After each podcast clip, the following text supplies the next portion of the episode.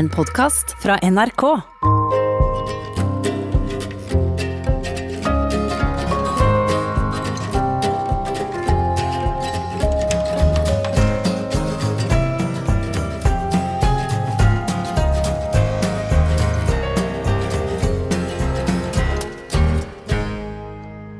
Det var en helt vanlig dag i Bogotá, Colombia. Sola skinte, og temperaturen var på nivå med en god sommerdag i Norge. Min eldste bror Pocho på sju år og jeg, som var nesten tre år, lekte utenfor huset vårt i bydelen Minutos de Dios idet en mann kom forbi. Han ville ta meg med på butikken for å kjøpe godteri. Pocho kjente igjen mannen, en venn av stefaren vår, og tenkte ikke mer over det. Mannen tok handa mi og gikk nedover gata vi bodde i. Pocho sto igjen ved huset og så idet vi runda hjørnet igjen denne gata. Det var siste gang Pocho så meg på 32 år. Jeg heter Jon Erik Årsheim. Jeg er 35 år og inntil nylig bodde jeg i Bergen hvor jeg jobba som advokat. Men det var før jeg fikk en melding som forandra livet mitt. Den neste timen skal dere høre hva som skjedde med meg etter at jeg forsvant rundt gatehjørnet i 1988 og ble adoptert vekk til mamma og pappa i Norge. For hva gjør det med en person å bli separert fra familien sin og plassert i nye omgivelser, i et nytt land, i en alder av nesten tre år? Og hva er egentlig familie? Er det de som gir deg liv og setter deg til verden gjennom fødsel? Eller er det de som oppfostrer deg? Eller kan det òg være nære venner? Identitet og tilhørighet har prega følelseslivet mitt. Mangelen av det, eller kanskje den manglende forståelsen av hva det egentlig er.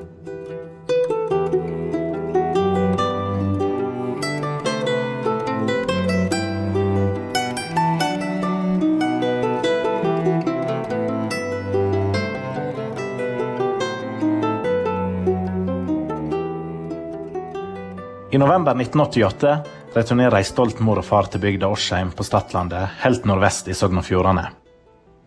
De har med seg en liten gutt som de har adoptert fra et barnehjem i Bagé, Colombia.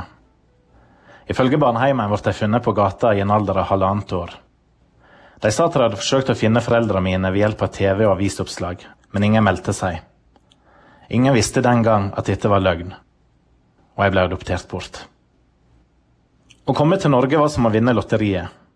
Årsheim var et lite og trygt sted med fjell, hav og store områder å boltre seg på. I tillegg til mine foreldre og ei sju år eldre søster hadde jeg besteforeldre og ei oldemor som nærmeste naboer. Oldemor hadde seks barn og utallige barnebarn, oldebarn og tippoldebarn. Hun hadde alltid besøk og diska opp med lapper og annen kaffesnop. Når lukta av varme lapper strakk seg over marka, var det ikke lenge før jeg var på plass i håp om å få en smakebit. Til gjengjeld underholdt jeg med sang og dans. Kontrastene til millionbyen Bogotá kunne ikke vært større. Men også jeg var annerledes, både av utseende og i linne. Annerledesheten min ble stadig vekk påpekt, både av voksne og barn. Det var ikke vondt meint, i alle fall ikke i starten. Men jeg ville ikke være annerledes. Jeg ville se lik ut, oppføre meg likt, ha like interesser som vennene mine. I bursdagen hos andre som var adoptert fra Colombia, var kaka alltid pynta med colombianske flagg. Og alle gjorde et stort nummer av at også jeg var fra utlandet. Jeg ble rasende og ville ikke lenger dra i sånne selskap. Jeg hadde en følelse av ikke å høre til. Jeg trodde at fordi at jeg var adoptert, var foreldrene mine mindre glad i meg enn min søster, som var biologisk datter. Jeg var bare den stygge andungen. Jeg ble ofte sammenlignet med mine fettere. Hvorfor var ikke jeg mer som dem? De var arbeidskarer som var interessert i traktorer, fiske og motorer. Jeg var pratsom og utadvendt, ikke traust og inneslutta som den typiske nordfjordingen. Jeg ville heller gjøre kreative ting. Den store drømmen var å bli skuespiller. Da kunne jeg leve ut roller og være akkurat den jeg ville være. I ungdomsåra ble jeg kalt Sotus, selv om jeg var like hvit som alle de andre vinterbleike nordmennene. Dra hjem der du kommer fra, fikk jeg også stadig vekk høre. Og i tillegg var jeg homofil. Ikke åpent på den tida, men folk spredde antagelsene sine. Jeg husker særlig siste året på videregående. Som et forsøk på en demokratisk prosess ble det hengt opp liste i gangen hvor man kunne foreslå russenavn til sine medelever.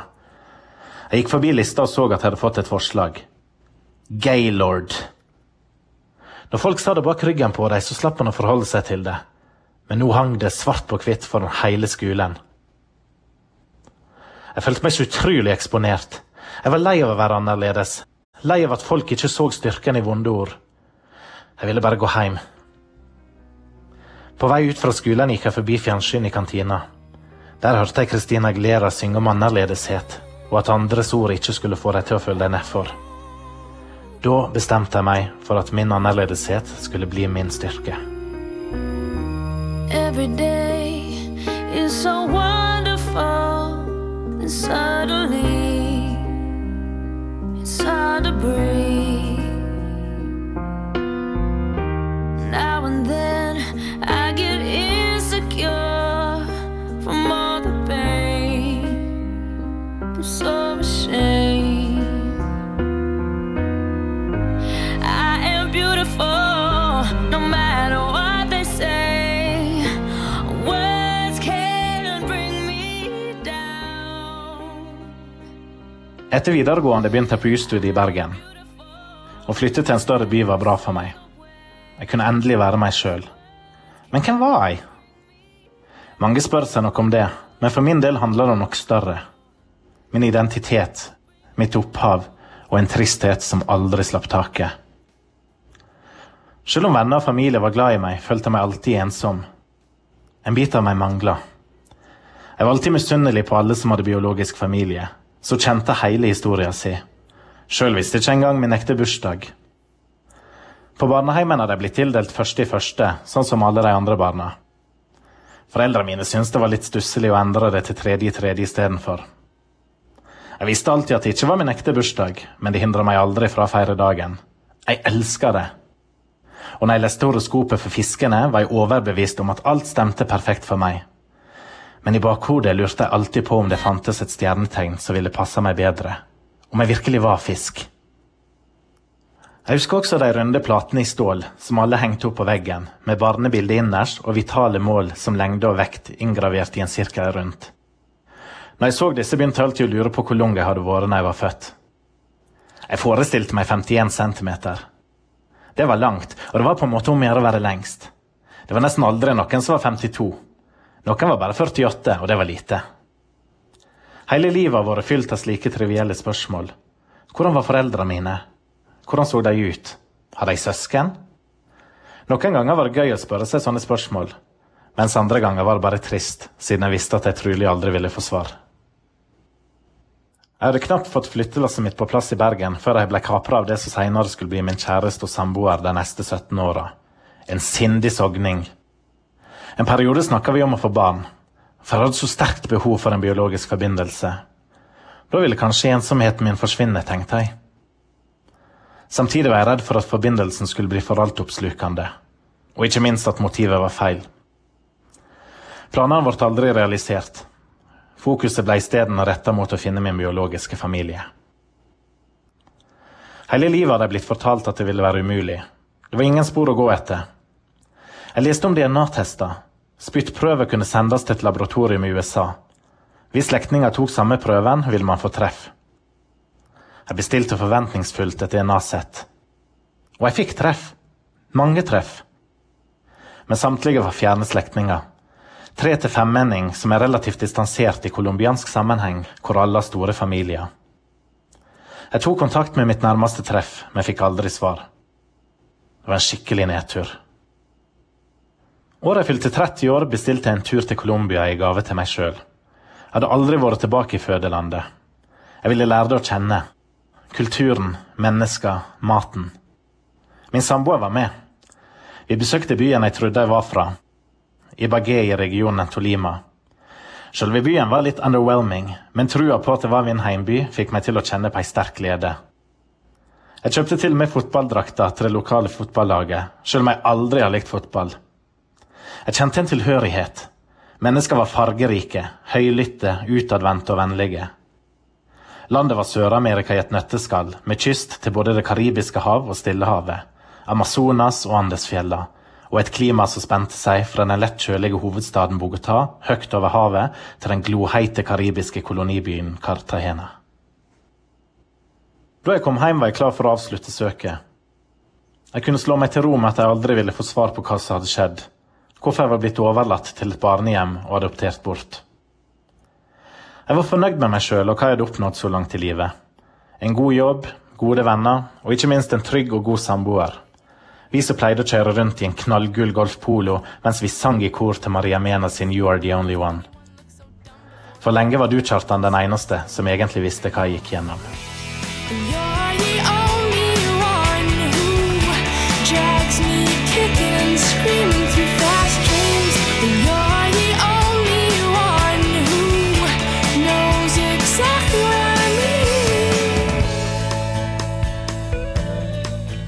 Fire år senere hadde DNA-testene blitt mer sofistikerte.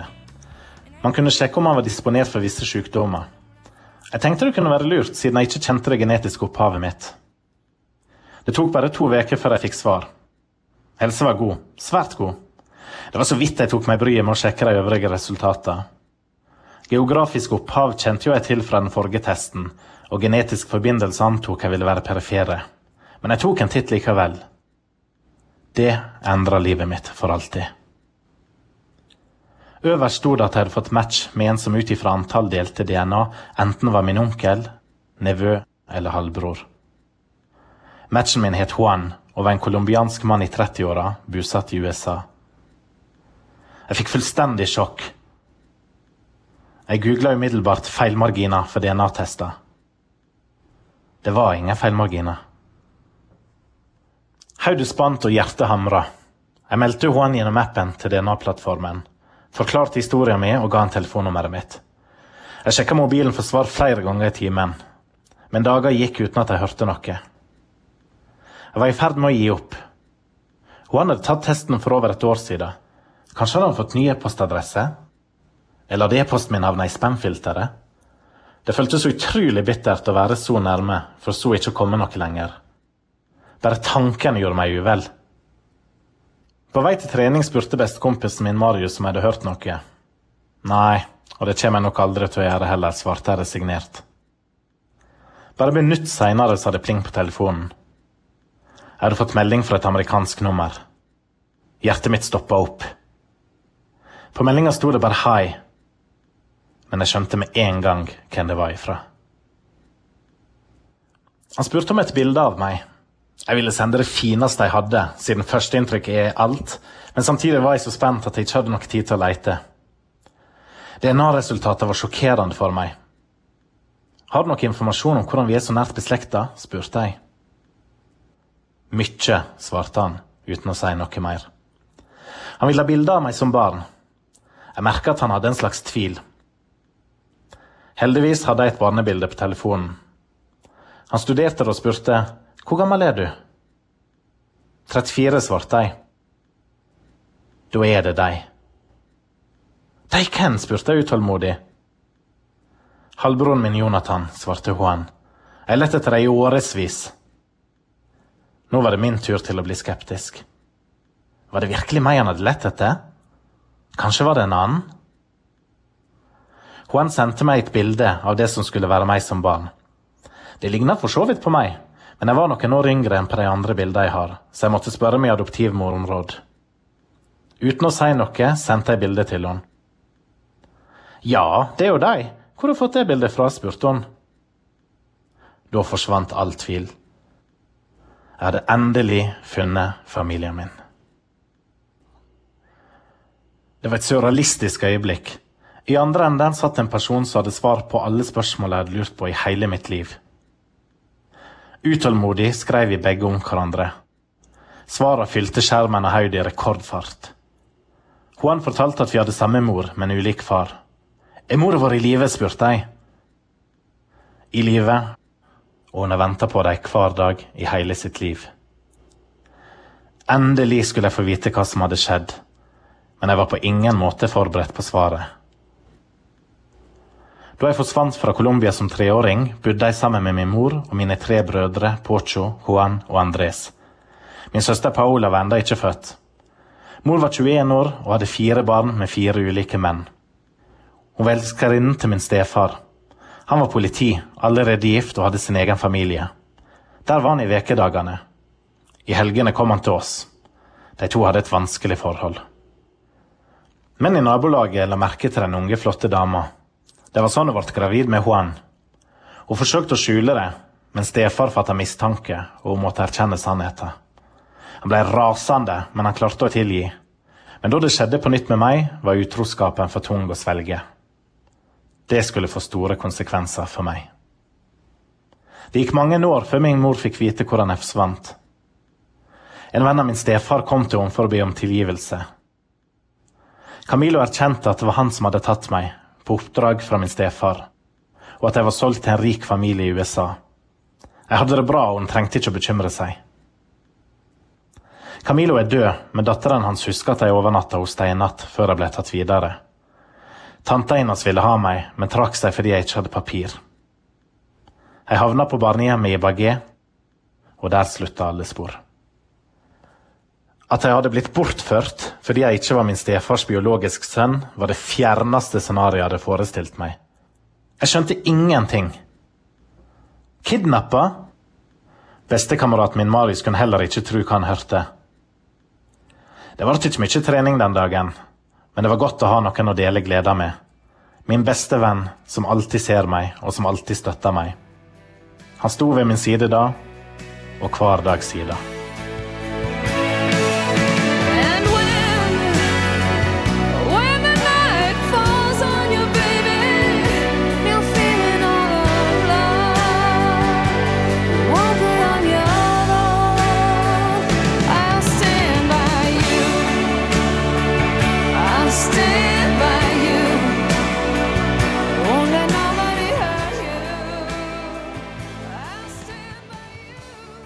Flere dager var det kun Juan som visste at jeg var funnet. Jeg ville bruke hvert ledig sekund på å snakke med han. Vi hadde så mye å ta igjen. Det føltes nesten som å være nyforelska. Han ville vente med å fortelle mora vår. Han var redd at det skulle være tortur for henne å vite at jeg var funnet uten å kunne møte meg. Jeg var uenig. Tenk om noe skjedde i mellomtida. Men jeg lot meg overtale. Da jeg snakket med min adoptivsøster Marita, som sjøl er mor til fire barn, fikk jeg streng beskjed om at det var uhørt å ikke si noe. Nærmest utilgivelig. Jeg forklarte Juan hva min søster hadde sagt. At hun var kvinne og mor, og derfor visste bedre enn oss. Og slik blei det. Juan er filmskaper og hadde dokumentert jakta på meg i ni år. For han flytta til USA for å leite etter meg, siden det var der Camilo hadde sagt at jeg hadde endt opp. Han filma da han ringte og fortalte nyheten til vår mor. På videoen ba hun han om å sette seg ned. Ei store nyhet til mamma, sa han. Har du funnet han? Ja, mamma, jeg har funnet han, svarte hun mens min mor brast i gråt.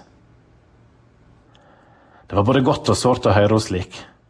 Følelsen av avvisning som jeg hadde kjent på hele livet, var helt forsvunnet. Det er umulig å forestille seg hvordan det har vært for henne. Og jeg forsto at de faktisk hadde lett etter meg alle disse åra. Jeg hadde vært ønska. Så snart min mor hadde fått beskjed, tok det bare minutt før det raste inn med meldinger fra min nye familie. Alle ville ønske meg velkommen tilbake til familien og vite når vi kunne møtes.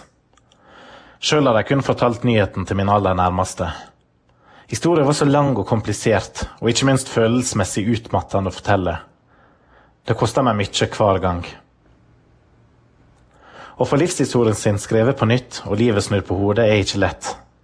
Mellom gleden og spenningen over å ha funnet familien min var det tårer, frustrasjon og oppgitthet. Forholdet til Juan ble gradvis vanskeligere fordi vi var uenige om mange praktiske ting i forbindelse med gjenforeningen. DNA-selskapet ville samle meg og den nye familien min til julefeiring i Colombia. Juan var samstemt, men de hadde glemt å spørre meg. Jeg forsøkte å forklare at jeg har en annen familie i Norge som har gleda seg til å feire jul med meg. Juan var fornærma over at jeg prioriterte disse menneskene på bekostning av min egentlige familie, som hadde venta så mange år på å få være med meg igjen. Jeg følte meg pressa. En annen bekymring jeg hadde, var hvorvidt jeg skulle fortelle om legningen min. Jeg hadde alltid meint at legning bør være uviktig, fordi kjærlighet er kjærlighet. Men en katolsk colombiansk familie ville ikke nødvendigvis se det på samme måte. Mine nærmeste var enige om at det var best å ta én ting om gangen så jeg holdt lav profil. Det var vanskelig, siden det første alle spurte meg om, var om jeg hadde kone eller barn. Det var for så vidt ikke løgn å svare nei. Jeg hadde verken kone eller barn. Men det ergra meg at jeg måtte krype tilbake i skapet i en alder av 34. Men stoltheten fikk vike for denne gang, tenkte jeg. Jeg hadde knapt snakka og meldt med eldstebroren min Pocho. Likevel kjente han på seg at lillebroren hadde noe på hjertet. Kan jeg spørre deg om noe? skrev han en dag. Jeg er din storebror. En mann med et klart og åpent sinn. En du alltid kan stole på. En som aldri dømmer. Jeg elsker familien min, uansett hvem de er og hvordan de er. Siden Gud ga oss muligheten til å bli gjenforent, vil ingenting noensinne kunne skille oss igjen. Han hadde skjønt det. Kjent det på seg. Et bilde på Facebook hvor jeg spiste en Hello Kitty-is i Japan, hadde visst fjerna all tvil. Et fjollete bilde som var tatt på tull, men det spilte ingen rolle. Jeg kjente meg så fri. Dette hadde jeg grua meg sånn til, og så gjorde han det så enkelt for meg. Pocho hadde hele livet kjent på skyldfølelse for at de ble kidnappa, og for at han ikke hadde gjort mer for å forhindre det. Hans første sønn, som nå er 20 år, heter Jonathan, til minne om meg. Han spurte meg hva favorittdyret mitt var, og mindre enn ei uke seinere hadde han tatovert en hjort sammen med et norsk og et colombiansk flagg på venstrearmen. For der har de alle jeg elsker mest. Mine tre sønner, min mor og nå deg. Det var virkelig en gest som gjorde inntrykk. Å markere kroppen sin for noen du ikke har sett på over 30 år, og som du strengt tatt ikke kjenner, utover blodsbåndet og den sjokkerende fysiske likheten. Porchi informerte min mor, men legninga var helt uviktig for henne. Kjærligheten til barna var betingelsesløs. Porcho mente vi burde vente med å si det til Juan, siden han var blitt så religiøs. Men under en av de utallige telefonkranglene vi hadde, skreik jeg det til han, nesten som for å straffe han. For å gjøre vondt verre fortalte jeg at både mor og Porcho allerede visste det før han. Jeg antok at han ville bli såra, men forholdet vårt var blitt så anspent at jeg ikke brydde meg. En liten uke før avreise fikk jeg meg en overraskelse. Juan var plutselig i Bergen. Han hadde fått et syn om at han skulle ta meg fra Norge til Colombia. Det første møtet ble dokumentert av NRK. En ganske sær situasjon. Jeg møtte ham med blanda følelser. Et øyeblikk jeg hadde drømt om hele livet, og nå skjedde det. Juan gråt ustoppelig og ville ikke slippe taket. Jeg følte jeg burde bli sentimental, jeg også. Det var tross alt broren min som sto der og holdt rundt meg. Men jeg klarte det ikke. Jeg følte kjemien hadde havarert. Men selv om øyekroken var tørr, bestemte jeg meg for å legge ned stridsøksa. Vi hadde faktisk noen veldig fine dager, hvor han fikk møte vennene mine. Juan var karismatisk og gikk godt overens med alle. Jeg begynte å glede meg til turen til Colombia. Kvelden før avreise var jeg sliten. I over en måned hadde jeg gått uten tid til å føle. Nå nærmer det seg, og jeg kjente det på hele meg. Press, stress, uenigheter, forventninger og spenning traff meg på samme tid. Juan var kommet for å hente meg, men kofferten var 14 kilo for tung. Noe så trivielt som pakke om kjentes som en umulig oppgave. Juan så fortvilelsen i øynene mine. Det går fint, bror. Bare pust. Jeg venter på deg. Bare pust, bror. Bare pust. Just keep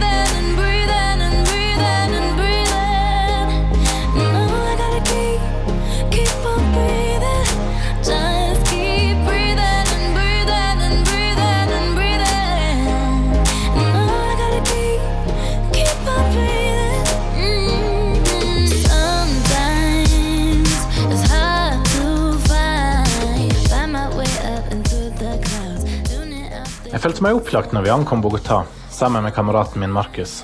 Jeg hadde fortsatt ingen anelse om hva jeg hadde i vente, og han ville ikke si noe. Jeg fikk bare beskjed om å gjøre meg klar til neste dag. Jeg hadde blitt vant til kommandoer fra Juan. Følelsen jeg hadde i kroppen, var merkelig.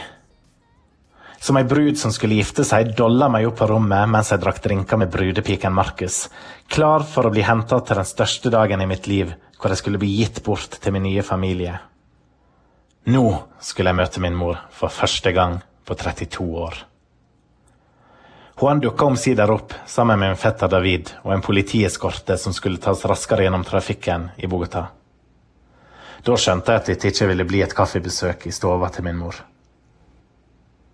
Vi var kjørt til en ventende Chiva, en fargerik partybuss som er typisk for Colombia. Om bord satt et lite orkester kledd i colombianske farger og spilte for meg. En romslig buss. Vi kjørte rundt, men plutselig stoppa vi. Juan ba meg om å gå ut. Jeg hørte høy musikk og mennesker som jubla. Jeg skjønte at vi var framme, og at vi ikke var alene. Synet som venta meg, fikk følelsene til å ta fullstendig overhånd. Gata jeg var født i, var gjort om til en rød løper, og på gjerda på hver side var det pynta med ballonger og norske og colombianske flagg. Mellom husa hang det en banner med teksten 'Welcome home, John'. Og der sto familie og naboer. De ropte så høyt at det overdøva både orkesteret og musikken fra høyttalerne som var satt opp. Over hodet mitt flaug drone, og kameralinsene fra media som var til stede, sverma rundt meg. Nå er øyeblikket kommet, sa Juan og pekte mot enden av den røde løperen. Der sto min mor. Hun holdt et skilt med teksten I missed you a lot, son of mine. Welcome home. I love you a lot. Juan dytta meg fremover og pekte triumferende mot himmelen, som for å takke Gud for å tillate øyeblikket å skje. Mor slapp skiltet, løp imot meg og kasta seg i armene mine i ren Hollywood-style. Jeg stengte hele verden ute. Ingenting skulle få ta fokus vekk fra dette øyeblikket. Jeg visste ikke helt hva jeg skulle føle der jeg sto. Med ei fremmed kvinne som holdt hardt rundt meg og nekta å slippe. Ei kvinne jeg ikke visste eksisterte bare en drøy måned før.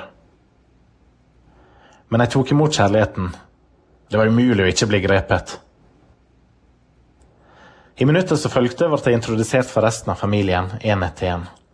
Det var fint å møte alle, og ekstra godt å møte Pocho. Så samla vi oss i Kiven og kjørte rundt i Bogotá og feira. Jeg kunne ikke så mye spansk, men klemmer, dans og smil var det eneste språket vi trengte den dagen. Jeg kunne ikke drømt om en bedre velkomst. Det var intenst, men uten overdrivelse den største dagen i mitt liv. Jeg kjente på en stor takknemlighet overfor Juan, og ikke minst resten av familien, som hadde tatt meg imot med åpne armer og vist meg en form for kjærlighet jeg aldri har kjent maken til. Jeg følte meg som en del av familien fra første stund. Vi hadde så mye til felles, både i utseende, personlighet og smak. Det senka seg en indre ro. Alle var nysgjerrige, oppmerksomme og kjærlige. Min mor, som for øvrig er en utmerket kokke, lot meg hver dag velge hva jeg ville ha til lunsj. Jeg smakte meg gjennom den ene colombianske spesialiteten etter den andre. Men det var mange å fordele oppmerksomheten på. Noen ga og krevde mer enn andre i starten. Min søster Paola var reservert og stille. Min nevø Jonathan på 20 år likeså. Det tok ikke lang tid før Juan kom med anklager om at jeg forfordelte oppmerksomheten. At jeg valgte meg favoritter på bekostning av andre. For meg var det en absurd anklage. Det føltes veldig urettferdig. Det var ikke godt for meg å vite om folk holdt tilbake fordi de var sjenerte, eller fordi de ikke var interessert. Men kritikken stoppa ikke der. Måten jeg var på med de andre, var også gale. Det var for mye klemming og kosing. Det var ikke normalt, sa Juan. Nivåene mine var klistra som lim, og min mor likeså. Pocho ville også holde rundt meg så ofte han kunne. Hvis vi alle ville det, var ikke det normalt for oss? Jeg spurte meg sjøl om det var misunnelse. Kanskje dette hadde gått for bra? Følte han at plassen hans var trua, kanskje? I mange dager hadde jeg gitt av meg sjøl til alle. Smilt, underholdt, tatt initiativ. Trøsta når vonde minner kom tilbake. Hadde vært sterk for alle, men nå hadde ingen flere krefter til å ta imot mer kritikk. Siste dagen før Juan skulle reise hjem, spilte han en video han hadde laga. Den viste alt det gode Jesus kunne gjøre for meg. F.eks. hjelpe meg med å slutte å være homofil. Ifølge Juan var homofili et valg, noe jeg burde velge vekk. Jeg gikk fra å være målløs til å utløse et ordras av all frustrasjon som hadde bygd seg opp. I en sårbar stund hadde han fått meg til å tro at det var så mange ting jeg burde forandre. Og lag på lag på lag hadde jeg tråkket fra det han ikke ville ha. Men der og da husker jeg tilbake til dagen på videregående. Jeg skal være meg sjøl, og aldri la noen male regnbuen min grå. Lag på lag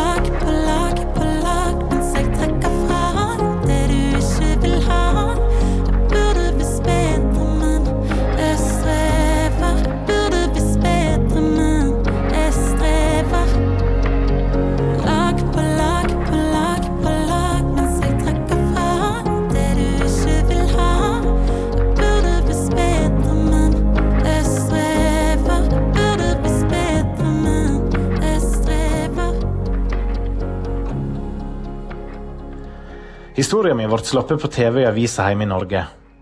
Innboksen var full. Over 2000 meldinger bare første dag. Fra kjente og fremmede. Fra andre adopterte. Personer som var, eller frykta at de var, i lignende situasjoner. Som ville vite hvordan det hadde gått fram. Hvordan det hadde gått. Og dele erfaringer.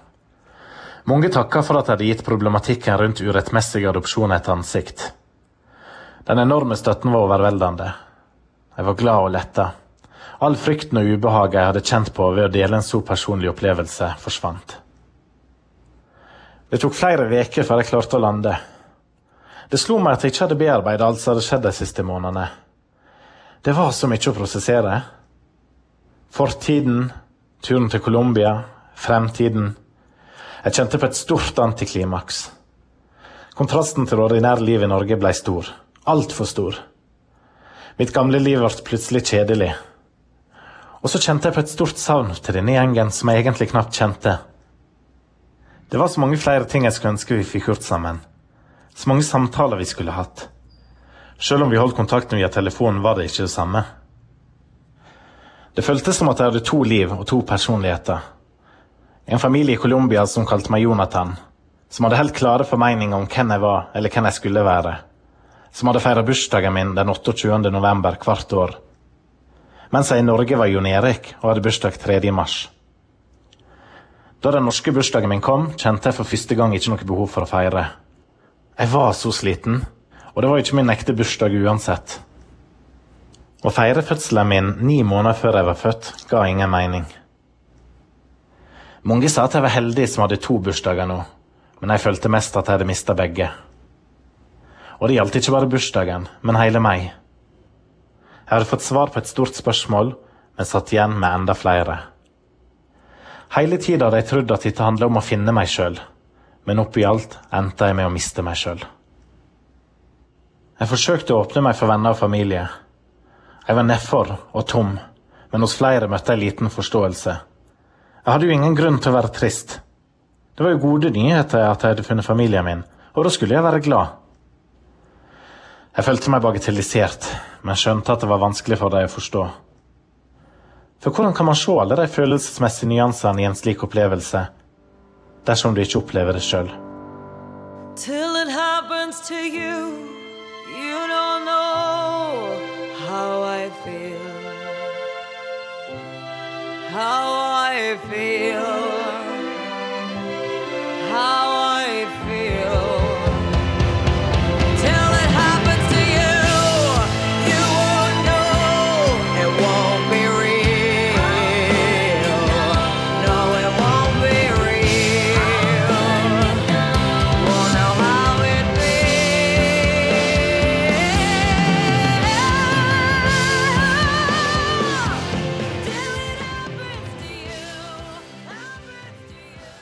Det siste halvåret har vært en karusell. Og som de fleste karuseller har det vært spennende, litt skummelt, moro og litt ubehagelig etterpå. Men jeg ville aldri vært det foruten. I vår var planen å ta min colombianske mor med til Norge for å møte venner og familie. Hun gruer og gleder seg til turen. Hennes første utenlandsreise. Hun er redd for å fly, men har så mye takknemlighet overfor min norske familie. Behovet for å møte dem er større enn frykten for å reise langt. Jeg hadde allerede reist til Colombia for å hente henne, men så kom koronaviruset. Og her sitter jeg i Colombia og har bestemt meg for å bli værende for å studere spansk det neste halve året. Jeg tenkte mye på tomrommet jeg alltid har kjent på. Er det fylt? Jeg trodde lenge at svaret var ja. Å få vite sannheten ga meg en stor ro. Men jeg vet ikke lenger om det er riktig å kalle det tomrom. For livet mitt har aldri vært tomt. Jeg har alltid hatt familie. Mange familier. Familien sendte meg i Colombia i 1988. Svigerfamilien. Familien jeg valgte sjøl. Blomsterbuketten av venner som har vokst til en blomstereng. Og nå en stor, høglytt, intens colombiansk familie som elsker meg betingelsesløst. Juan inkludert. Vi har lært hverandre å forstå. Han har gått fra å være en som aldri ville høre på meg, til å være en av de beste lytterne jeg kjenner. Jeg føler ikke lenger broderlig forelskelse. Det er ekte kjærlighet. Det har vært fantastisk å finne igjen min biologiske familie, men også vanskeligere enn jeg noen gang hadde forestilt meg. Dobbelt sett med familie kan bety dobbelt sett med kjærlighet. Men også dobbelt sett med forventninger. Dobbelt sett med meninger om ting. Muligheten for dobbelt sett med skuffelser. Følelsen av å ha to personligheter i hver sin kyst og drukne i havet mellom de to. Å være både Jonathan og Jon Erik. Å ha to mødre som begge tenker at du fortsatt er den personen som forlot redet i en alder av 3 eller 15 år. Å ha to bursdager. Oftest er det en grunn til at man ble adoptert vekk. De færreste blir møtt med levende musikk og rød løper. Så mitt råd til andre er å tenke seg godt om før man leter etter opphavet sitt. Vær sikker på at du er klar for å finne det du finner. Det neste halvåret fortsetter reisen min i Colombia. I vakre omgivelser i den evige vårens by, Medellin. Jeg har lært at livet ikke handler om å jakte på det man mangler, men å sette pris på og videreutvikle det man har. For man veit aldri hvor lenge man har det. Så hvis du har noen du er takknemlig for, så vis det i ord og i handling. For når vi fyller hverandres tomrom, er vi hele sammen.